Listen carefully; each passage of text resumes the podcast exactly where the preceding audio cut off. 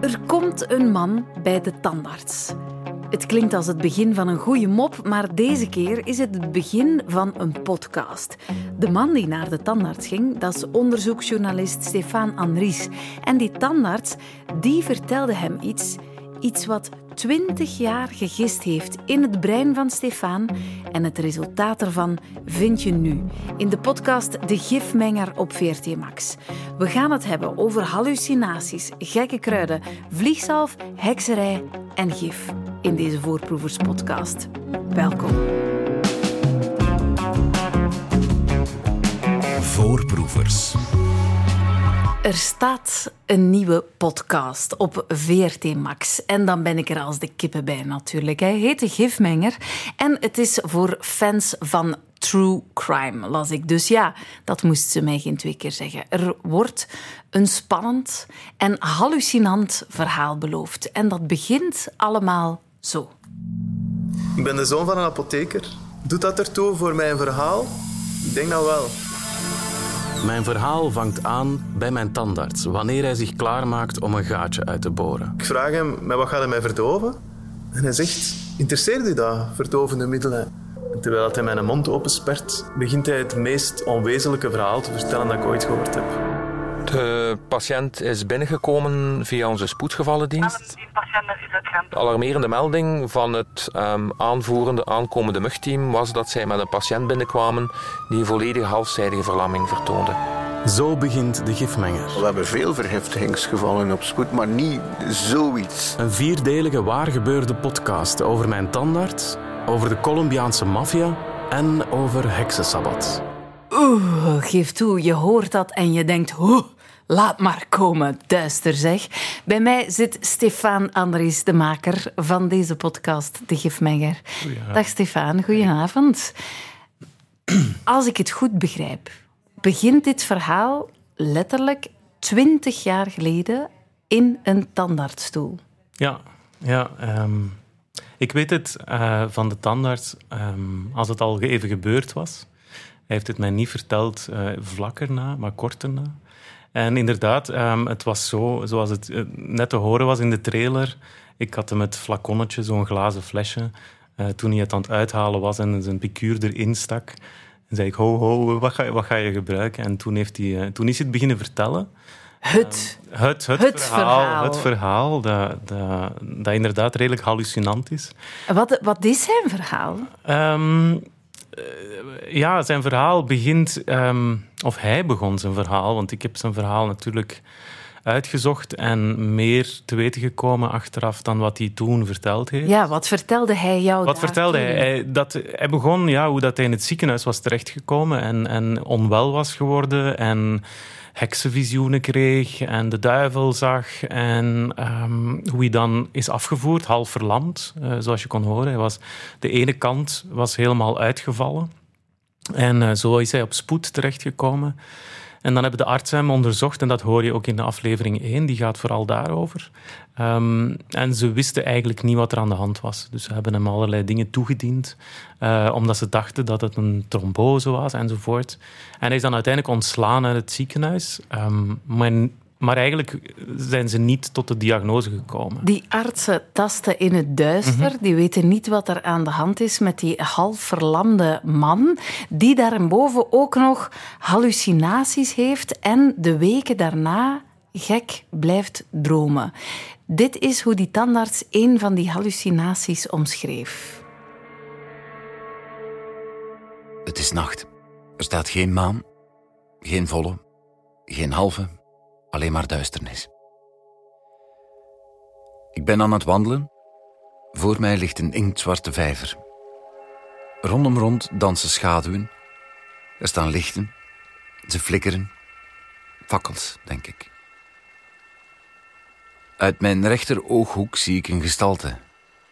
Het is de duivel. Hij beweegt niet. Roerloos. Hij geeft geen kik, maar hij beloert mij. Ik zie zijn doordringende blik rood oplichten in het donker. Die priemende ogen zullen mij nog wekenlang achtervolgen tijdens de nachtmerries die ik vanaf dan krijg.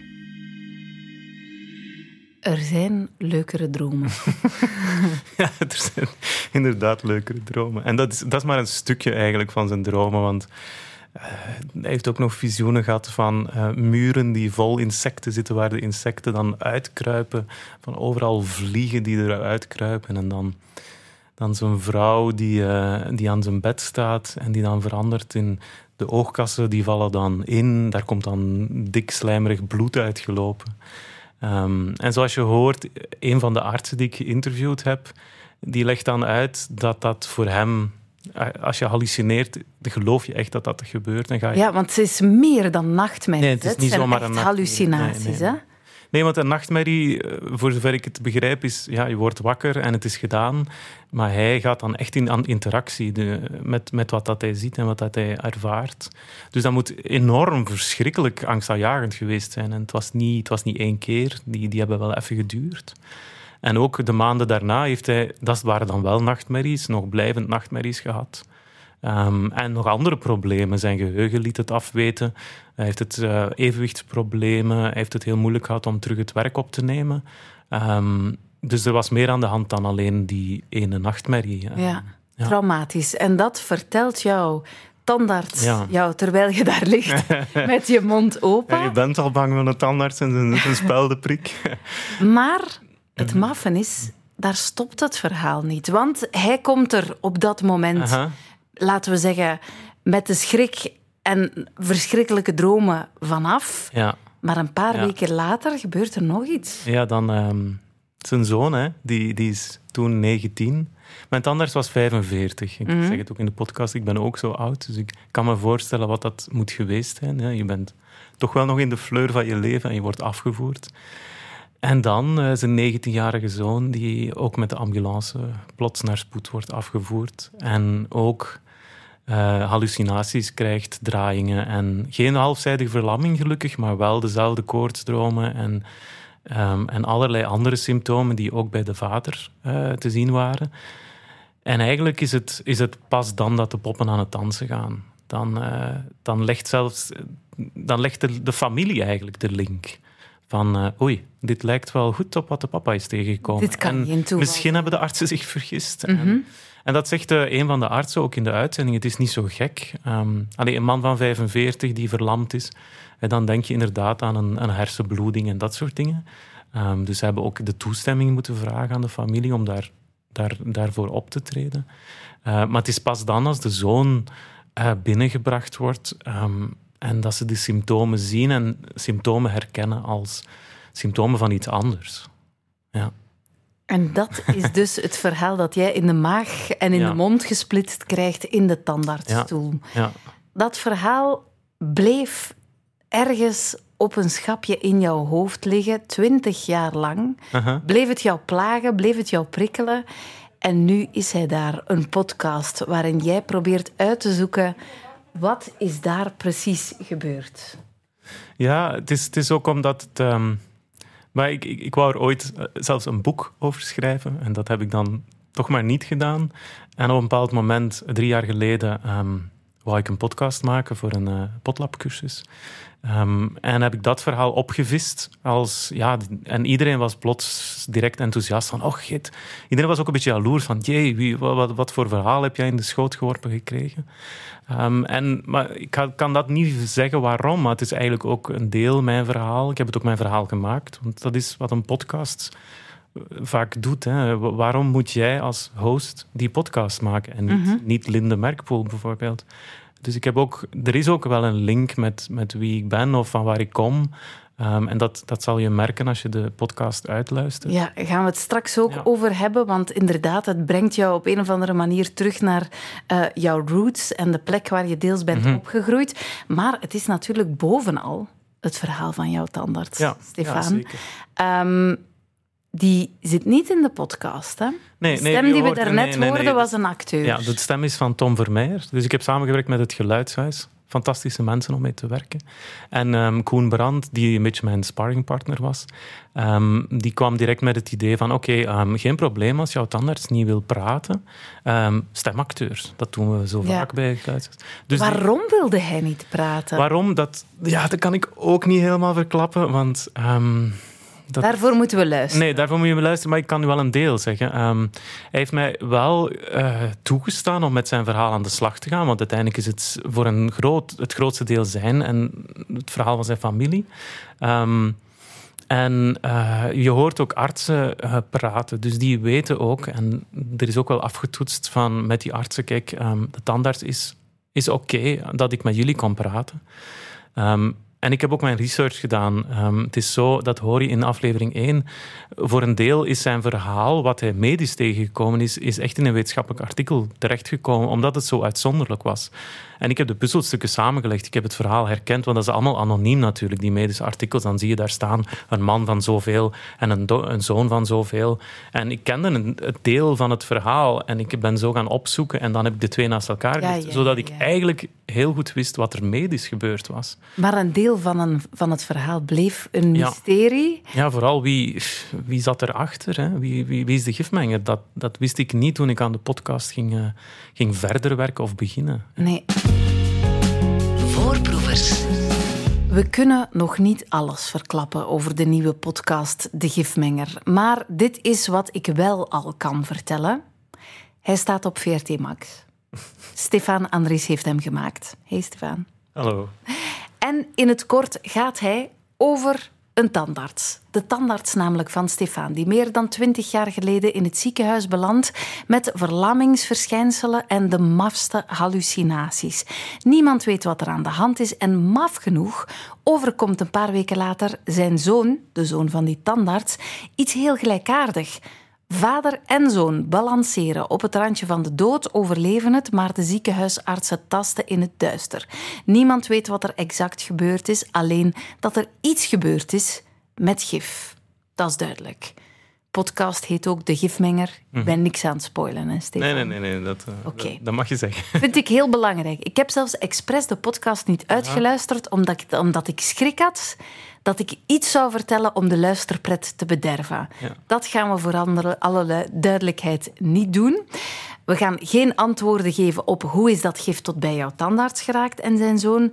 We gaan ook niet spoilen wie de gifmenger dan precies is. Maar het gaat om gif, dat weten we. Je bent met jouw, jouw vragen naar iemand geweest die heel veel weet over gif. Een professional. Ja, Ehm, Marcel de Kleene. Mhm. Het was ook een... een um, mijn tandarts, toen hij het eerst vertelde, heeft, um, heeft twee namen laten vallen. Marcel de Kleene en Mark de Bel. dat wist ik, dat wist ik nog van toen.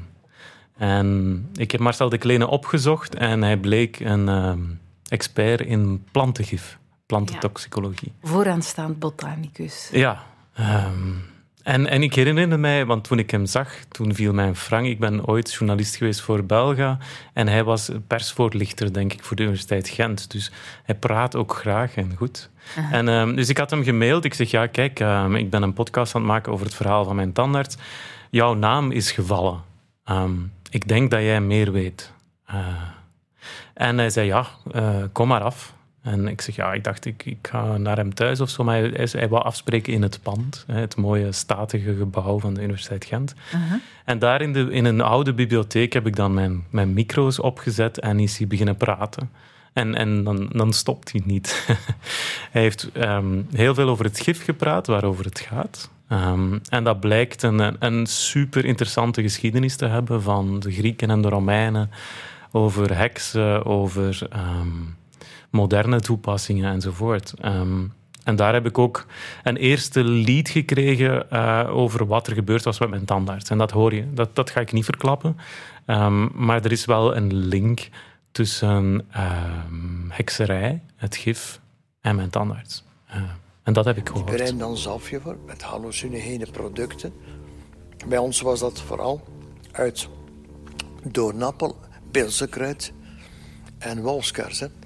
En uh, die uh, zalf werd gestreken uh, aan de schaamdelen of aan de aars van een jonge vrouw, een jonge heks, die naar een sabbat wou vliegen. Dacht ze, hoopte ze.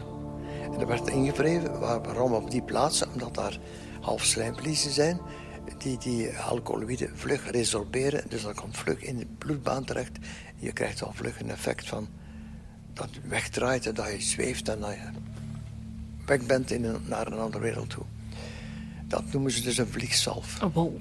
We begonnen in een tandartsstoel en plots zitten we dankzij die professor De Kleine in een ver verleden in een heel occulte wereld van heksen, sabbats. Een wereld die jij sowieso al interessant vond, hè? Oh ja, ik, ik, ik vind, vind alles wat hekserij en tovenarij is. Ik heb met mijn, met mijn jongste zoon alle Harry Potters gekeken en dit weekend nog Lord of the Rings. Ik vind dat gewoon, die fantasiewereld heb ik altijd wel interessant gevonden. Maar wat ik daar hoorde, ik, ik wist het tot nog toe niet, ehm, was het bestaan van een vliegzalf. Nu, als je dat opzoekt op internet, ga je dat direct vinden.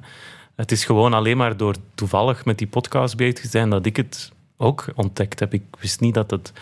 Het is eigenlijk een mengsel van kruiden ehm, dat door de heksen, zogenaamde heksen, zou gebruikt zijn om te hallucineren, een trip te maken.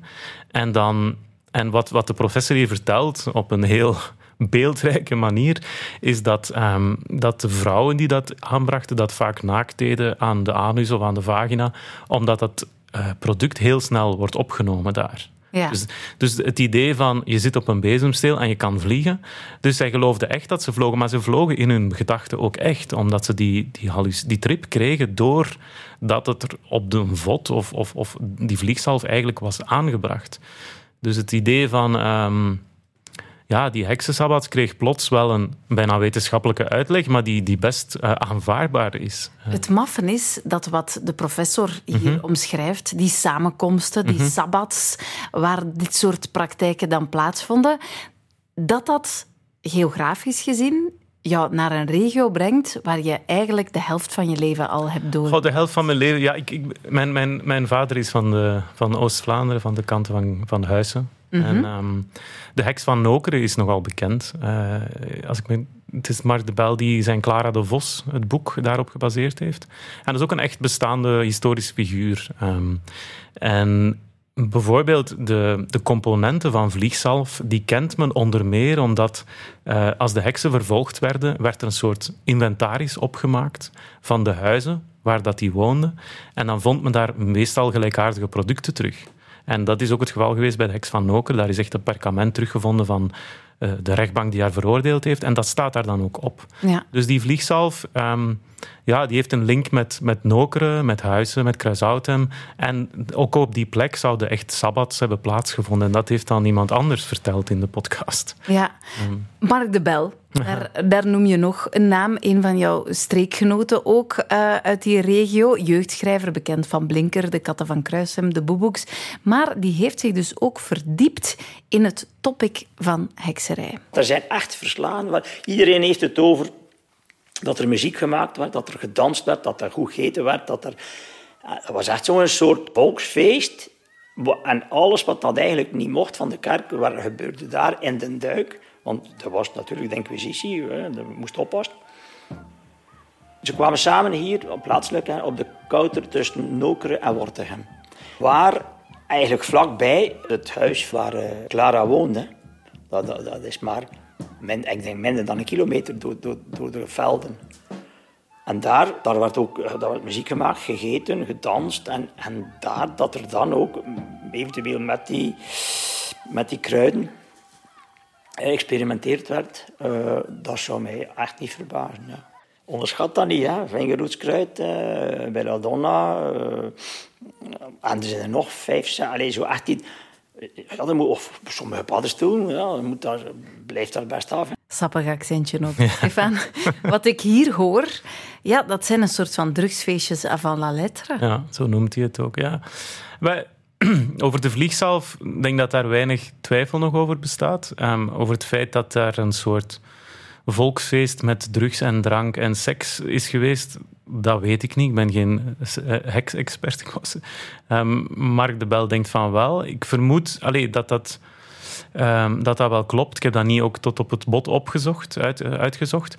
Maar um, voor mij was het belangrijkste inderdaad dat het gif um, dat mijn tandarts uh, heeft binnengekregen ook het gif was dat heksen gebruikten. Ja, maar we zitten hier wel met een grote timelapse natuurlijk. Is ja. dat dan echt hetzelfde gif dat nu opnieuw of nog altijd gebruikt wordt? Um, dat zegt Marcel de Kleene in de uitzending, in de, in de aflevering. Dus ik ga daar niet te veel over zeggen, maar um, Marcel uh, beweert dat hij de, de planten waar dat Mark het daarnet over had, dat die nog steeds gevonden worden en dat die ook uh, gekweekt worden. Ja, hij omschrijft dat hij al wandelend... Mm -hmm Soms... aan een taverne ja. uh, een aantal bedjes, wat was het, doornappel? Bilzekruid. Bilzekruid gevonden heeft. En, en dat komt eigenlijk niet zo gemakkelijk vrij voor, tenzij op mest faalt en zo verder. Ja. Maar hij heeft dat dan op een plek waar, waar Wikas, dus moderne heksen, uh, samenkomen. Dat was, dat was hij 100% zeker. En hij heeft dan uh, ja, heeft die mensen aangesproken en gezegd van als dat hier morgen niet weg is, dan stuur ik, uh, weet ik veel, de gezondheidsinspectie op jullie. Hola, en dat was, ja, ja, Marcel, Marcel weet van aanpakken.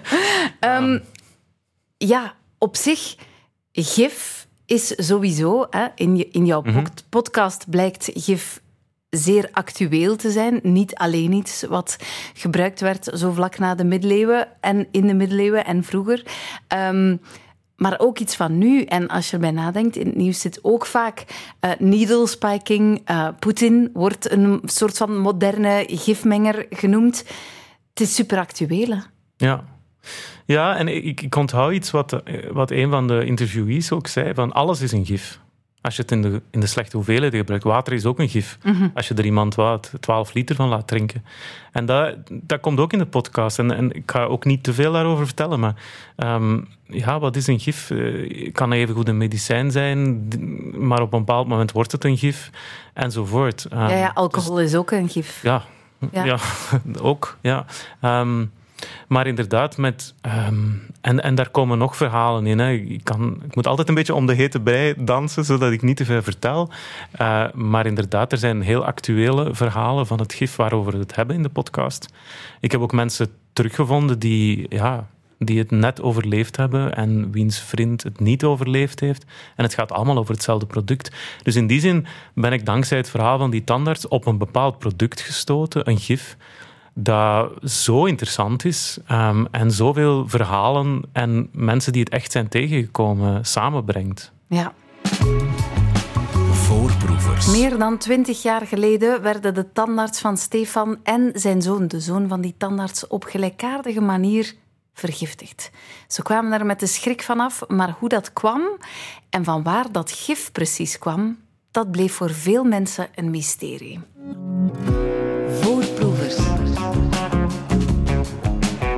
Tot Stefan Andries er zich mee bemoeide en er een podcast over maakte, die je nu kan beluisteren op VRT Max. Daarin probeert hij te achterhalen wat daar precies gebeurd is. En het is hem gelukt. Hij heeft het achterhaald. Als je het wil weten, dan moet je luisteren. Hoe heeft jouw tandarts heel het maken van deze podcast beleefd eigenlijk, Stefan? Want hij zat er niet in, hij wilde er niet nee. met zijn stem in, maar je mocht wel zijn verhaal gebruiken. Ja, van op de zijlijn heeft hij het meegemaakt, laat ik het zo zeggen. Um, ik heb hem zeker in het begin gevraagd van oké, mag ik hieraan beginnen? En dat is al drie jaar geleden. Um, en dan heeft hij, zoals ik het ook laat uh, horen in de aflevering, meteen gezegd, maar ik doe niet mee. je, mag het, je mag het jouwe ermee doen met wat je nog weet, maar ik ga jou niks meer zeggen of niks meer geven. Maar mysterieus wel, hè? Ja, maar als je, het, als, je het, als je de podcast uitluistert, dan zal je ook weten waarom. Ja. En um, ik, heb, uh, ik heb zondag een mail gekregen, dus de podcast staat nu een week al in de etalage, zeg maar. En ik was wel ergens, mm, ja, niet bang, maar wel bezorgd van wat gaat hij er nu van vinden. En ik heb, uh, ik heb de hoofdpersonages uh, eind deze week beginnen bellen. Um, en hij was mij voor. Um, hij heeft mij een heel mooie mail gestuurd. Um, vol lof. Oh, hij was Ja, ja hij, was, hij was echt uh, heel opgezet met de, het verhaal, hoe het verweven is, hoe ik het opgebouwd heb, maar ook hoe ik hem en zijn familie heb beschermd. Um, dat heeft hij heel erg geapprecieerd. Want hij komt inderdaad nergens met uh, naam en toenaam aan bod. Ik heb ook alle, proberen alle indicaties naar wie hij is en, en zo verder te wissen.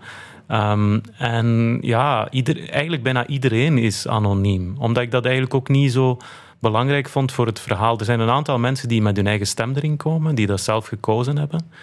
Sommige mensen um, uh, zijn ook met naam genoemd, maar het zijn er niet zoveel. Ehm, ik ben blij dat, eh, dat er een aantal heel belangrijke mensen uiteindelijk met hun eigen stem in zitten, maar hij niet.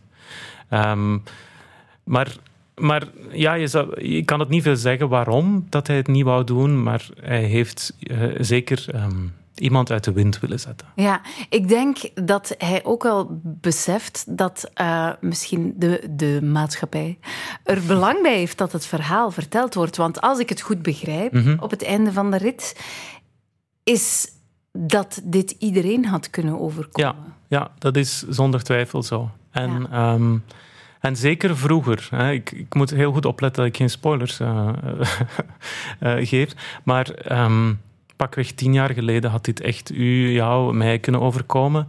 En er zijn zeker dingen gebeurd in die genre waarvan okay. we niks weten. Dus wie weet gaan bepaalde mensen wel plots deze ja. podcast horen en denken, tju. Ja, want een van de redenen waarom ik die podcast heb gemaakt, is omdat ik dacht, er zijn nog slachtoffers die mm -hmm. het niet weten en die het niet beseffen. Um, en, en ja, die zal ik dan wel op het spoor komen. Maar, maar het, voor hetzelfde geld zijn er elders slachtoffers.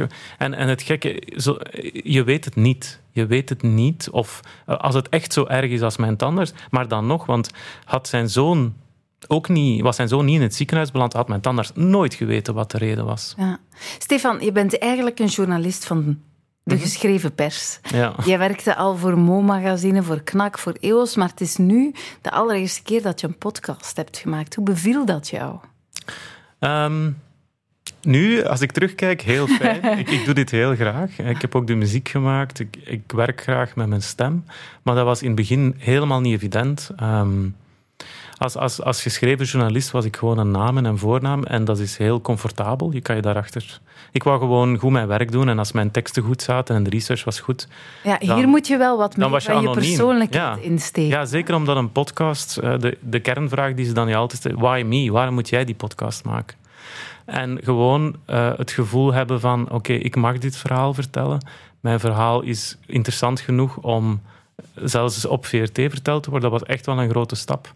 En ik ben van nature eerder introvert, alhoewel dat mensen dat niet weten. Of niet, niet. Dus dat is voor mij echt wel niet zo simpel geweest om gewoon de, ook de tone of voice te vinden. Aan welke, ja, wat, wat moet mijn verteltoon zijn? En ja, dat heeft wel wat werk gevergd. Samen met Geluidshuis heb ik heel veel dingen opgenomen. En in het begin klonk ik als een boek, uh, een geschreven boek. En, en dan dat vordert. En ik ben heel blij dat ik het gedaan heb, maar dat was buiten mijn comfortzone. Ja, en je bent natuurlijk ook de zoon van de apotheker. Dus op zich is het onderwerp ook niet zo super ver gegrepen.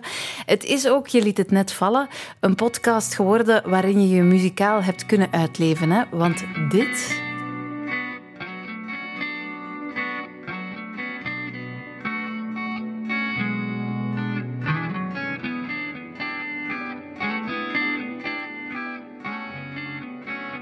Dit ben jij. Ja, dat is het deuntje. Ja, dit is de soundtrack en die heb je zelf ingespeeld. Ook een bijzondere ervaring, denk ik. Ja, ja, eigenlijk de reden waarom ik aan de muziek wou beginnen is... Uh, twee, drie jaar geleden was er nog niemand die die podcast wilde kopen of betalen. En uh, als je dan zelf muziek moet gaan inkopen, dat, is, dat kost zoveel geld dat die podcast er nooit was geweest. Je zat op je centen. Ja, nee, ik had gewoon geen centen om, om mensen te betalen. En ik, ik wou dit ook wel graag doen, voor alle duidelijkheid. Um, ik heb daar ook wel hulp bij gehad bij die muziek. Van, ah, ik kon, kan aftoetsen met, uh, met mijn gitaarleraar van ah, wat zou die tune geven. En, um, maar dat heeft mij wel veel tijd gekost. Ik herinner mij de laatste afwerkweek moest er nog plots een thema gevonden worden. Zei Koen van Geluidshuis van ja, we moeten een ander thema hebben. Dus moest ik op een week snel een thema uit mijn mouw schudden. Als je een supergoeie muzikant bent, wat ik niet ben, dan was dat mij dat op 1, 2, 3 gelukt. Maar dan heb ik echt zitten stressen van oh my god, nog een thema. Um, maar dat is gelukt. Ik ben blij dat dat gelukt is. Ik vond dat ook wel heel fijn om te doen. Um, ik heb ook veel met de computer gewerkt. Er zit bijvoorbeeld een, een pianothema in, maar dat is gewoon mijn gitaar die dan veranderd wordt in een MIDI-file die dan door een piano wordt gespeeld en dat soort dingen. Ja, ja. Dus wel, wel heel tof om te doen, ja. Omdat je, het, het leuke is, anders podcastmaker moet dan zeggen um, aan iemand, oh, dit moet de sfeer zijn. En hier zijn enkele nummers die, die voor mij die sfeer vertalen. Maar ik kan gewoon die sfeer die ik in mijn hoofd heb, meteen vertalen. Dus het is een shortcut naar wat je wil, wil maken eigenlijk. En voilà. Zo heb je nog een reden bijgekregen om te luisteren naar die nieuwe podcast, De Gifmenger. Je vindt hem op VRT Max. Vier afleveringen telt hij. en benieuwd wat jij ervan gaat vinden. Je krijgt daar dan eindelijk antwoord op al die vragen die we hier niet konden beantwoorden, al die dingen die wij niet wilden spoilen. Maar uh, daar moet je dus zijn op VRT Max. Voorproevers. Nieuwe podcast op VRT Max. De maker ervan, Stefan Andries en ik. Wij hebben je erover verteld wat we erover konden vertellen. We hebben heel hard ons best gedaan om niets te spoilen. Alle andere vragen die je nog hebt, daarvoor zal je moeten luisteren. Wie is de gifmenger en wat is daar nu precies gebeurd met die tandarts en zijn zoon? Je hoort het dus op eh, VRT Max en vanaf morgen ook in Zandman, hier op Radio 1 om 10 uur s'avonds. Stefan Andries, ligt er al een nieuw podcastplan op jouw plank? Want je hebt de smaak te pakken nu. Uh, ja. Weer die mysterieuze glimlach van je. ja, wil, of wil je het niet spoilen? Jawel, nee, ik, ga zeker niet spoilen. Um, ik broed op iets, maar um, het, is, um, het is nog een beetje gevoeliger. En als ik het zou doen, dan wil ik de mensen die erin zitten nog meer beschermen. dus ik, ik weet het gewoon niet. Ik vind het wel een heel relevant thema om over te werken. Maar ik zat, zat ook al te denken van misschien moet ik eraan beginnen en komt die binnen tien jaar uit. Um, dat, zodat iedereen die betrokken is lekker veilig is, maar dat ik het wel gemaakt heb. Je hoort dus, het. Uh, Stefan die houdt niet van makkelijke plannetjes. Voorproevers. Dit was de Voorproevers podcast. Je vindt al onze afleveringen in VRT Max en je hoort ons natuurlijk ook op de radio van maandag tot donderdag op Radio 1. Voorproevers.